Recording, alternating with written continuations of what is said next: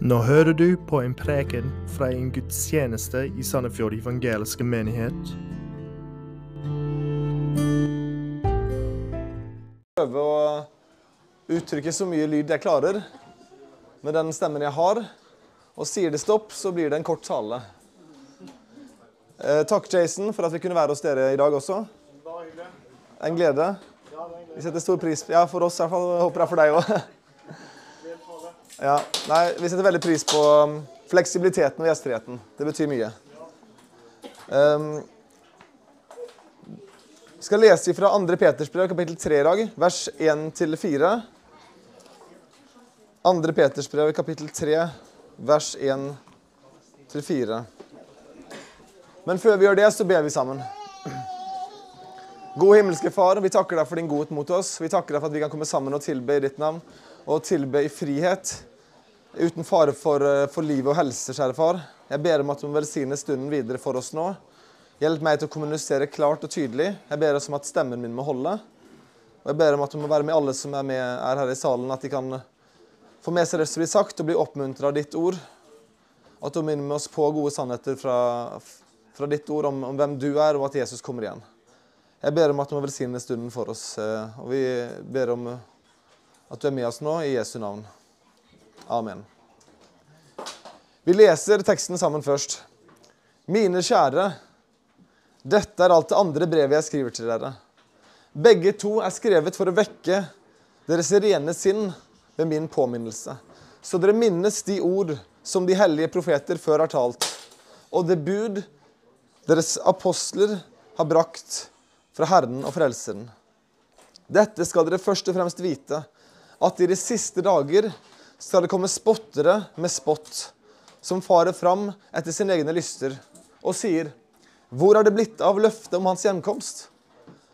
For fra den tid fedrene sovnet inn, forblir alt slik det har vært fra skapningens begynnelse. I dag har jeg lyst til å snakke til dere om temaet håp. Håp er noe vi alle trenger. Eh, spesielt når det begynner å bli kanskje mørkere rundt oss. Når folk møter motgang i livet, når de møter sykdom, når ting er vanskelig. Håp er det som får oss til å orke å stå opp om morgenen, hvis vi orker det. Håp er det som gir oss livslyst, fremtidslyst. Som kristne har vi blitt gitt masse håp, mange løfter i Bibelen. Og jeg tror et av de største angrepene den onde kommer mot, den onde, kommer mot eh, oss kristne, er å angripe håpet vårt. Få oss til å miste synet om det som er verdt å håpe på, det som er verdt å leve for, det som vi har i vente. Det var et forskningsstudie som ble gjort av en som het Kurt Richter på 1950-tallet. Et ganske grusomt forskningsprosjekt, men jeg tenkte å nevne det likevel. Det ble gjort på rotter. Og det de gjorde var at Han plasserte rotter eh, først, eh, Han gjorde med to sett med rotter. Han tok noen ville rotter opp i et eh, vannbad med uten noen som helst form for håp for å komme seg ut. Og Disse ville rottene hadde aldri opplevd noen form for omsorg, aldri opplevd at noen var gode mot dem. Så disse rottene, selv om de var vant til å svømme og krysse elver og, og være ganske livsharde, så ga de opp etter bare et par minutt og døde i vannbadet. Og så var det et annet sett med rotter som hadde vokst opp eh, blant folk. Eh, altså Sikkert ikke hatt det fantastisk, de heller. Men de hadde opplevd en form for omsorg. De hadde opplevd at noen hadde hjulpet dem, gitt dem mat. Og disse rottene med akkurat de samme fysiske forutsetningene svømte rundt i dette vannbadet i bokstavelig talt flere døgn før de ga opp. Et par minutter til flere døgn. Et tilsvarende prosjekt ble gjort av en, en gruppe studenter som hadde igjen disse stakkars rottene da, som må, må, gjennomgå. Ble lagt i et badekar. Noen ble lagt i et badekar som var helt mørkt. Det var et forkle over. Helt mørkt. De holdt, holdt seg i live et par timer før de ga opp. Og så var det noen som ble lagt i et badekar hvor det var et lysglimt. Det var ikke helt mørkt. Det var ikke mye lys, men det var åpning i dekket. Så de så at det var en vei ut. Disse rottene holdt det gående fire til fem ganger lengre. Altså nesten et helt døgn. Den eneste forskjellen på disse rottene var at noen av dem hadde et håp og de andre hadde gitt opp. Og Det prinsippet har en del psykologer eh, tatt fatt i. Og ser en sammenheng mellom hvordan en takler livet, og hvordan det er å ha håp. Det er slik at Dersom man får en diagnose om en terminal sykdom, så er faktisk sannsynligheten for å få andre sykdommer som hjerteinfarkt osv. øker drastisk. Fordi en har på en måte mista håpet. Og Det er en klar sammenheng med hvordan kroppen responderer og det hvordan en tenker om framtida. Der vet sikkert Steinar mye mer om enn meg, men jeg har fått lest, lest om det her. Og, og, og, det er et bibelsk prinsipp da, som er ganske gjennomgående, som er ganske tydelig. At der en mister håp, så gir en opp. Og det er derfor det kristne håpet er under angrep. Hvis det er noe som skiller kristne mennesker fra ikke-kristne mennesker i stor grad, så er det dette urokkelige håpet om det som ligger foran, om evigheten. Og selv om vi kristne skal også ha et realistisk perspektiv på den verden vi lever i i dag, så kan vi være optimistiske med tanke på framtiden. Vi har et håp som strekker seg ut over dette livet og inn i evigheten. Alle mennesker drives av en form for håp. Et håp om en dag i morgen et håp om at det som er tungt i dag, kan bli bedre. At det er håp om progresjon, fremgang. Håp om at det er en mening med livet. Når mennesker mister håpet, blir det veldig vanskelig å takle livet. Som kristne har vi et håp som altså strekker seg mye lenger enn det verden kan tilby. Vi har et håp om en ny himmel og en ny jord. Løfter om tilgivelse. Håp om et liv etter døden. Vi har et urokkelig håp om at Jesus som for opp. Han skal komme tilbake en dag og dømme levende og døde. Han skal etablere sitt rike, sette ting i rett stand. Og Når vi da kommer til 2. Peters brev, kapittel 3, så er vi egentlig skiftet mellom advarselen om falske profeter og løftene om det som skal komme. Vi er i skjæringsfeltet mellom disse to. Og Peter advarer oss mot å miste håpet. Eller sagt på en annen måte, han oppmuntrer oss til å holde fast på det urokkelige håpet om at Jesus kommer igjen. Og Selv om ikke det kanskje er så opplagt i den teksten jeg leste, så er det det som er sentralt i hele avsnittet i 1. Peter 3, 1-9, som vi skal se på første halvdelen av i dag. Peter begynner slik.: Mine kjære, dette er alt det andre brevet jeg skriver til dere. Og begge to er skrevet for å vekke deres rene sinn ved min påminnelse. Så dere minnes de ordene som de hellige profeter før har talt, og det bud deres apostler har brakt fra Herren og Frelseren. Peter har ikke bare skrevet disse troene i Lilleasia ett brev, han har skrevet dem to. Vi har begge to. Eh, med mindre han henviser til et annet brev som han også har skrevet. Sannsynligvis refererer han til 1. Peters brev. Han har skrevet to brev i et relativt kort tidsrom. Han har skrevet for å vekke noen som ligger og sover, kanskje, hos folk som har det vanskelig. Vekke håpet, vekke sinnet til de troende. De rene sinnene, skriver han. Det er ikke alltid du føler at du har et rent sinn, kanskje. Men i Kristus så er du en ny skapning med et nytt håp. Du er gjort hellig i Kristus. Og du har fått en ny tanke, et nytt håp, en ny forståelse som er i tråd med sannheten og løftet i Guds ord. Men selv om du er blitt en kristen, så er det veldig lett å falle tilbake i en verdslig tankegang. En tankegang som har fokus på det midlertidige. Det som skjer i dag, kanskje i morgen, ikke det som skjer inn i evigheten. Og Peter ønsker med sine brev å vekke sinnet, som kanskje sover til tider. Vekke tankene våre til de troende, så vi kan ha et kristent, et bibelsk perspektiv på livene våre. Peter minner de troende på at det er ikke bare noe jeg kommer på. Han henviser til de hellige profeter som før har talt. Sannsynligvis en referanse til de gammeltestamentlige profeter, men det kan også omfatte de nytestamentlige. Og han henviser til det bud som apostlene har brakt fra Herren og Frelseren. Med andre ord håpet om Jesu gjenkomst, om rikets opprettelse, om en ny himmel og en ny jord. Dette er ikke perifære sannheter i Bibelen. Sannheter grunnfesta i gamle testamentet. Sannheter som Jesus formidla til sine profeter og sine apostler, som igjen formidler dette jevnlig til den tidlige kirke. Så hvorfor trenger Peter nå å minne de troende om dette håpet? Hvorfor trenger vi å bli minnet om det? Vers 3 og 4 i teksten vår gir svaret. Dere skal først, dette skal dere først og fremst vite, at i de siste dager skal det komme spottere med spott, som farer fram etter sine egne lyster og sier Hvor er det blitt av løftet om hans gjenkomst? For fra den tid fedrene sovnet inn, forblir alt slik det har vært fra skapningens begynnelse. Det er noen som kommer inn og sår tvil om det håp vi har som ligger i framtiden. Begrepet 'først og fremst' henviser ikke her til kronologi, men i prioritet og viktighet. Det er en prioritert sannhet, en viktig sannhet, om at det skal komme noen og utfordre det håp dere har. Det skal komme spottere med spott i de siste dager og så tvil om det håpet dere har om Jesu gjenkomst. Kan vi stille spørsmålet når er de siste dager?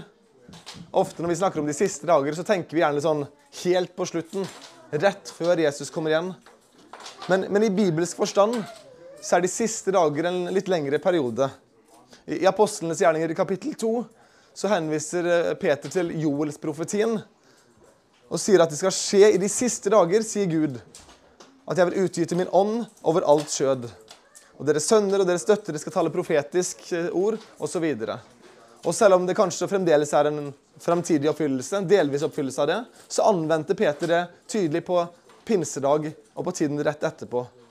De siste dager har på en måte begynt ved Jesu eh, himmelfart og varer egentlig til hans hjemkomst.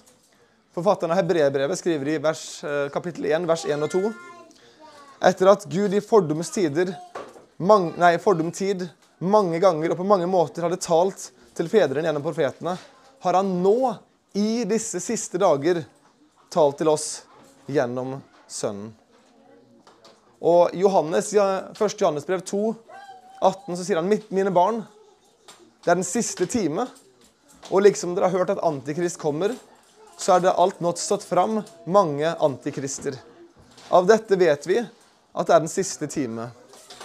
Så denne tidsepoken kan man si, som begynte rundt år 30, og som vi på en måte fortsatt lever i På denne tiden skal det stå fram spottere med spott. Det høres ut som overflødig, overflødig språk. Spottere med spott. Det er åpenbart at de driver med spott. De er jo spottere. Men det er den jødiske måte å forsterke begrepet. At disse er spottere av ypperste rang. Av den sterkeste rang. Det er den sterkeste form for essen, spott, spottende essens i det de kommuniserer. Og hva er den verste måten de spotter på? Jo, de sår tvil om Jesu gjenkomst. Sikkert på en nedverdigende og sarkastisk måte mot de som tror på oss. Mot de som tror på det. Og det er jo ikke nytt for noen av oss. Når ikke-kristne omtaler oss troende, og det vi tror på, så er det ofte med en slags undertone av hvor dum går an å bli som tror på noe sånt. Og Det kan være ubehagelig å oppleve. Ingen har lyst til å være dum. Ingen har lyst til å være antiintellektuell osv. Å gå imot det som omtales som etablerte sannheter om menneskets opprinnelse og fysikkens lover, det kan være nedverdigende. Det kan være ubehagelig å bli latterliggjort. Og så sier de Hvor er det blitt av løftet om hans gjenkomst?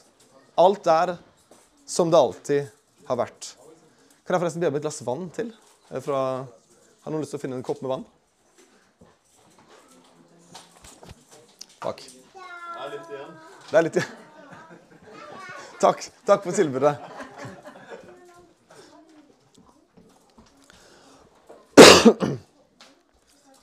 Vi sår tvil om Jesu gjenkomst. Alt er som det har vært før. Hvor er Jesus? Han har ikke kommet ennå. Vi spotter det faktum at Jesus ikke er kommet igjen. Og det er med Tusen takk, Spencer. Og så tvil i tanker og hjerter hos de troende om Jesu gjenkomst. Men før vi ser nærmere på akkurat det, så beskriver også Peter hvorfor de spotter på denne måten. Det står i de siste dager skal det komme spottere med spott, som farer frem etter egne lyster. Etter sine egne lyster. Dette er personer som spotter ikke fordi de er drevet av et intellekt som ikke kan akseptere at noe overnaturlig skal skje, men fordi lystene deres resulterer i et verdensbilde som ikke tillater tanken om at kongenes konge skal returnere og dømme levende og døde. Hør her. Hvis du skal være komfortabel i synden, din, i å leve i synd, så er det ikke rom for at Guds sønn en dag kommer igjen og skal ta oppgjør med synden. Det er ikke plass til det. En kan ikke omfavne begge de to tankene samtidig. Og for mange, og jeg tror veldig mange, så er det akkurat dette som gjør at en forkaster Bibelens klare lærere. Noen ender opp som ateister, noen agnostikere. Andre tror på litt mer sånne flyktige religioner. Mange fortsetter å kalle seg kristne, men ender opp med en eh, ganske sterk form for liberal teologi. Og hva er det som er fellesnevneren? En forkaster troen på Gud som skaper og høyeste autoritet. En forkaster troen på de hendelsene i Bibelen som forutsetter at Gud har handlet som en autoritet. At han har skapt skapelsesberetningen, undergraveren, syndefloden, plagene i Egypt, at israelsfolket gikk gjennom Sivhavet, at solen en dag sto stille, Josva 10. Og så kunne en fortsatt. Og når det kommer til Det nye testamentet, så forkaster en troen på at Jesus var noe mer enn en moralsk lærer. Noen lar ham beholde en form for guddommelig natur, men følgende ting blir nesten alltid fornekta. Jomfrufødselen, Jesus' syndfrihet, mange av Jesu mirakler. Kanskje ikke alle. Det er ikke mange som fornekter Jesu død, men følgende ting blir nesten alltid fornekta. Hans oppstandelse, ikke bare hans oppstandelse, at han for opp til Faderen, og kanskje det viktigst, at han kommer tilbake for å dømme levende og døde. De fornekter engelen sa til disiplene da de så Jesus bli tatt opp. Det står i apostelgjerningen 1, 10 og 11. Mens de sto der og stirret opp mot himmelen, idet han for bort, se, da sto to menn i hvite klær hos dem, og de sa, Galileiske menn, hvorfor står dere og ser opp mot himmelen? Denne Jesus, som er tatt opp fra dere til himmelen, skal komme igjen på samme måten som dere så ham fare opp til himmelen. Det er et fantastisk løfte. Det er et håp som kan gjøre det litt lyst i en mørk verden. Og hva fornekter en hvis en fornekter Jesu hjemkomst? Jo, en fornekter at han kommer igjen også for å dømme levende og døde. Og alt der henger jo så veldig sammen. Men det som ofte binder sammen forskjellige former for vantro, da, med forskjellige former for falsk kristendom, hvis en kaller det det. At en fornekter alt som gir Gud og som gir Jesus endelig autoritet over oss. En fornekter alt som omhandler Jesu hjemkomst og herremakt på jorden. For hvis en erkjenner at det er sant, hvis det virkelig er slik at Jesus døde og sto opp igjen, at han dro opp til himmelen og han kommer igjen, vel, da er det en sannhet som må, i hvert fall bør, da, påvirke hvordan vi lever livene våre. Det må det. For hvis vi en dag skal stå foran Jesus når han kommer, så er det ikke lenger likegyldig hvem vi har levd for. Har vi levd som nye skapninger i Kristus, som etterfølgere av Jesus, som tar Guds vilje på alvor i våre liv? Eller har vi levd som vi selv vil, uten å tenke på at Gud har noe å si? Hvorvidt du tror på at Jesus kommer tilbake eller ikke, vil få en enorm betydning på måten du lever på. Og det er det disse falske profeter som spotter og så tvil om Jesu gjenkomst, prøver å gjøre. De holder fast på det. De farer fram etter sine egne lyster. De vil gjerne påberope at det er intellektet som driver de. Bibelens budskap er ganske tydelig. De er drevet fram etter sine egne lyster. Det er ikke nødvendigvis primært den rasjonelle og logiske, velfungerende tanke. Det er ofte det man sier er grunnen til at en fornekter Bibelens ord og autoritet.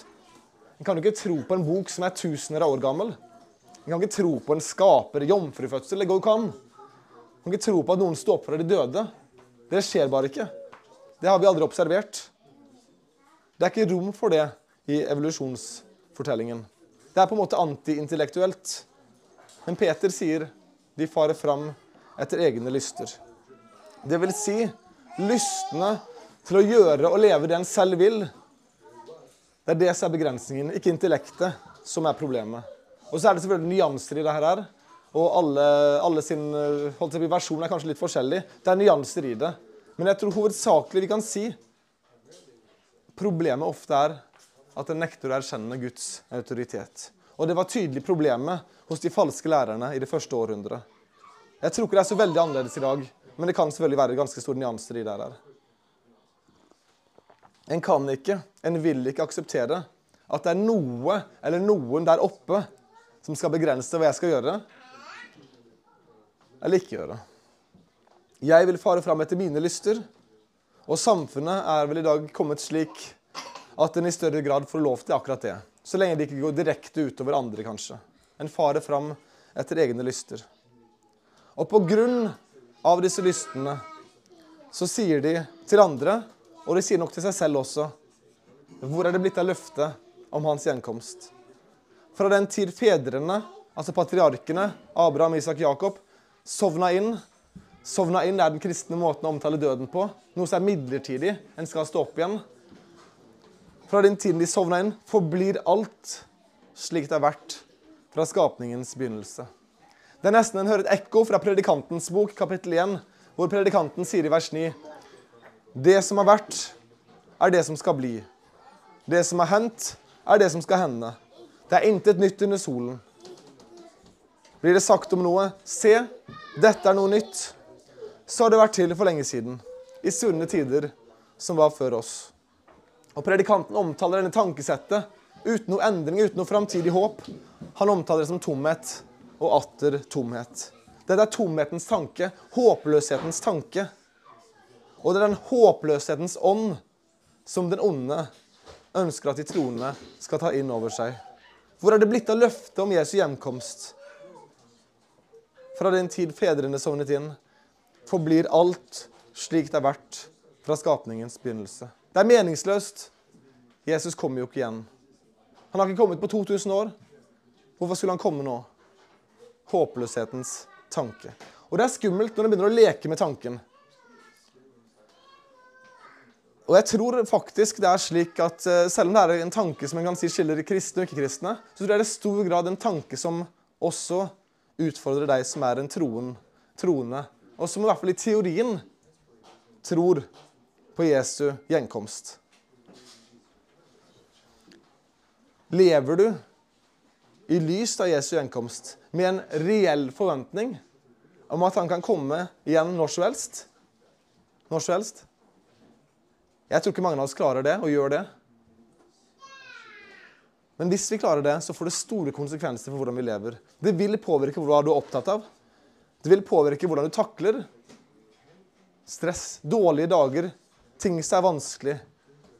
Hvis vi lever uten et håp som ligger foran, og som er reelt, og som vi omfavner som ekte, som Bibelen fremstiller det, lever vi uten et klart syn på at Jesus snart kommer igjen, så vil livet, også kristenlivet, bli en lang og mørk reise. Hør nå. For vår menighet, for dere som er her, så er ikke jeg først og fremst bekymra for liberale røster utenfra som skal infiltrere menigheten med, med liberal teologi, som skal få deg til å fornekte alt som har med Jesu autoritet og guddommelighet å gjøre. Kanskje det blir et problem en gang. Jeg tror ikke eksterne røster er det som er vår menighets største utfordring.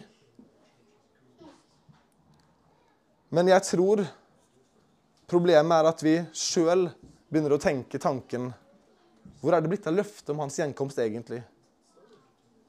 Kommer Jesus faktisk igjen? Er han nær? Eller er det noe som er langt der fremme, som ikke trenger å påvirke hvordan jeg lever i dag? Er det en fjern tanke? Eller er det en nær tanke? Og Jeg tror det er utfordringen for oss.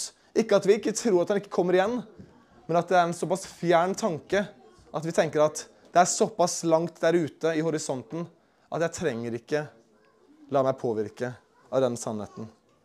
Jeg tror vi i praksis kan være vår egen største tankemessige fiende når det kommer til Jesu gjenkomst. Og så blir vi selvfølgelig godt hjulpet av skjødet i oss og av den onde som fòrer slike tanker. Og Så begynner den kanskje å tenke, og kanskje til og med omfavne, at det er så lenge til Jesus kommer igjen, så hvem bryr seg hva jeg gjør i dag? Jeg kan gjøre som jeg vil. Det er Peter sitt oppdrag i disse brevene. Og det er min jobb også da, som skal formidle det videre. Og minne oss om at Jesus kommer snart igjen. Og så kan du si, Hvordan kan du si det? Det har gått 2000 år. Vel, Peter, Peter selv gir oss svaret på hvorfor det har gått lang tid. I neste avsnitt, som Bob skal tale om neste søndag. Jeg skal stjele alt kruttet hans. Men jeg kan lese det som står i vers 9. Herren er ikke sen med løftet, slik noen holder det for senhet. Men han har tålmodighet med dere, for han vil ikke at noen skal gå fortapt, men at alle skal komme til omvendelse. Herren er ikke sen med løftet.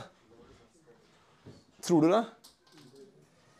Det er en grunn, kanskje flere, sikkert flere grunner, men én av grunnene er i hvert fall at det er flere mennesker som kommer tro på Jesus. Som blir en del av hans familie. Han vil ikke at noen skal komme gå til fortapt. Han vil at alle skal komme til omvendelse. Det er flere som skal bli frelst. Han har i sånn tålmodighet utsatt å komme igjen for at flere skal bli frelst. Det er en oppmuntrende tanke. Så hvordan skal vi klare å holde fokus opprettholde håpet om Jesu gjenkomst? Vel, Vi kan først og fremst vite at det er en grunn til at han ikke har kommet igjen ennå. Vi skal samtidig vite at han kan komme når som helst. Bibelen er klar på det. Han kommer igjen. Jesaja 66, 15. For se, Herren skal komme i ild. Hans vogner skal være som stormvind. Han kommer for å gjøre gjengjeld i sin glødende vrede og med truende flammer. Etter disse domsavsnittene om Jesu gjenkomst på Herrens dag. Malaki 4, 1 og 2. For se, dagen kommer. Den brenner som en ovn. Da skal alle overmodige og hver den som gjør ondt, være som halm. Og dagen som kommer, skal sette dem i brann, sier Herren herskarnes Gud, så den ikke levner dem rot eller gren. Men for dere som frykter mitt navn, skal rettferdighetens sol gå opp med legedom under sine vinger. Og dere skal gå ut og springe som kalver når de slipper ut fra fjøset. Nå vet jeg ikke om dere har vært rundt et fjøs når kalvene har blitt sluppet ut. Jeg har uh, Søskenbarnet mitt fra, fra Røvær utenfor Haugesund er på besøk her i dag. Vokst opp på gård, og hun har sikkert erfart hvordan kalvene er når de kommer ut av fjøset. Jeg kan spørre om det etterpå. Men jeg ser for meg at det er en, en slags uh, ungdommelig uh, ja, Jeg vet ikke hvordan jeg skal beskrive det. En villhet, en, en glede som, som, gjør at den blir uh, Ja, jeg vet ikke. Kalvedans. Det blir kalvedans. Det er en kalvedans i vente. Matteus 16, 27. For menneskesønnen skal komme i sin fars herlighet med sine engler. Han skal gi enhver igjen etter hans gjerninger. Og Vi kunne fortsatt ganske mange avsnitt.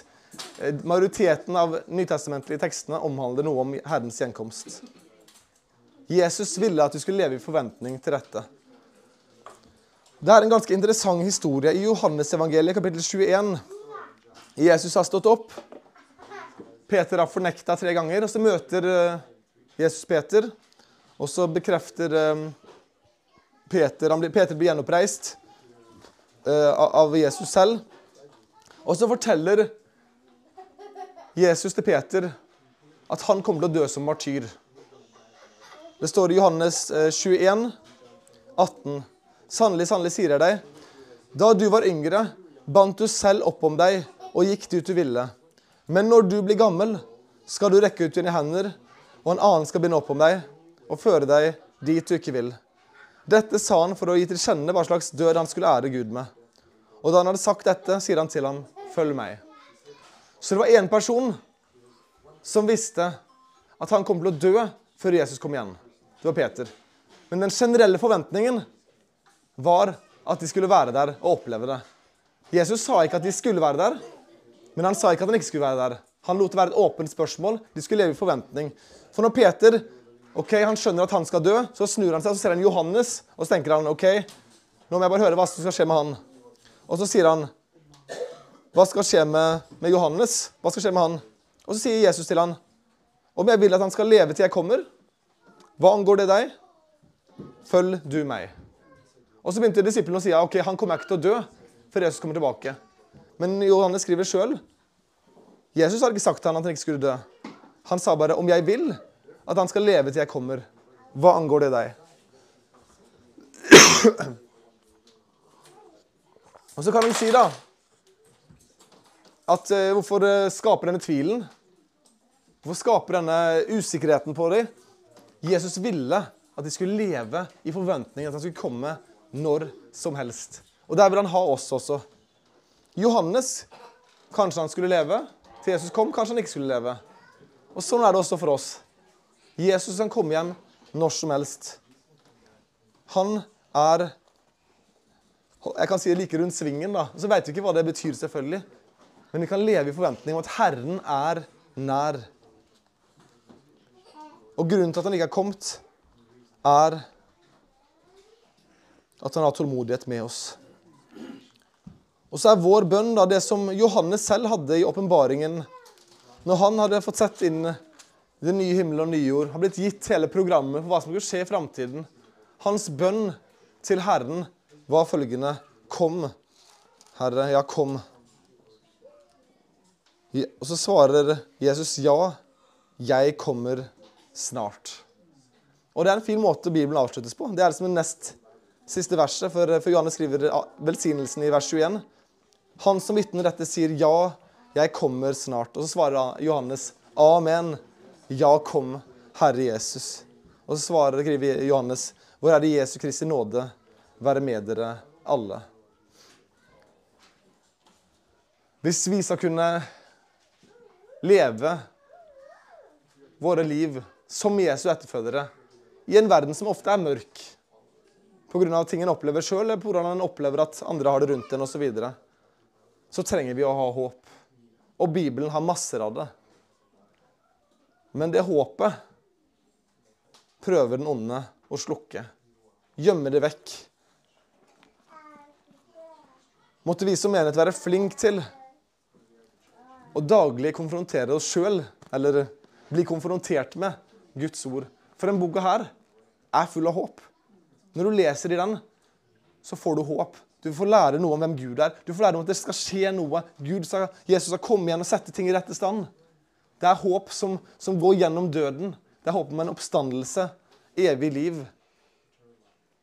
Vi trenger å se lysglimtet på den mørke horisonten. Og så trenger vi som menighet å gjøre det hver for oss, men vi trenger å gjøre det sammen også. La oss, når vi feirer nattverd, feire det som en fest. Som et håpefull feiring om at Jesus snart kommer igjen. Han kommer snart. Jeg kan jo ikke si nøyaktig når. Men Jesus vil at vi skal leve i forventningen om at det kan skje allerede i dag. Fantastisk hadde det vært. Det kan skje i morgen, så kan det gå lengre tid. Men han er ikke sen med løftet. La oss be sammen. Kjære gode himmelske Far. Jeg takker deg for påminnelsen om at, eh, at Jesus kommer igjen. Eh, vi veit ikke når det er. Og du, kjære far, har gode grunner for at han ikke er kommet ennå. Men vi lever i, i forventning og tro på at, at, han kommer snart. Så ber jeg, kjære far, om at du hjelper oss til å ikke bare se rett ned for oss, ikke bare se til morgendagen, men at vi kan se opp og se frem til den dagen Jesus kommer igjen. Og Jeg ber om at det kan gjøre noe med oss, hver enkelt som er her. Jeg ber om at vi må leve for, for Jesus og ikke for oss sjøl. Hjelp oss til å elske de rundt oss. Hjelp oss til å elske deg, far. Så ser du til hver enkelt som er her. Du ser det kan være mørkt for mange. og En har opplevd enten sykdom eller andre ting som gjør at en er mismodig. og Vi går inn i oss en mørk tid i året, kjære far. Måtte håpet om Jesu hjemkomst skinne klarere enn noen gang for oss alle, kjære far. Måtte du vekke sinnet vårt også vekke vår tanke, så vi kan bli fornya i vår tro, også i vårt håp. Vi takker deg for din godhet mot oss. Og vi ber som Johannes ba, kom snart. Og vi ber i Jesu navn. Amen.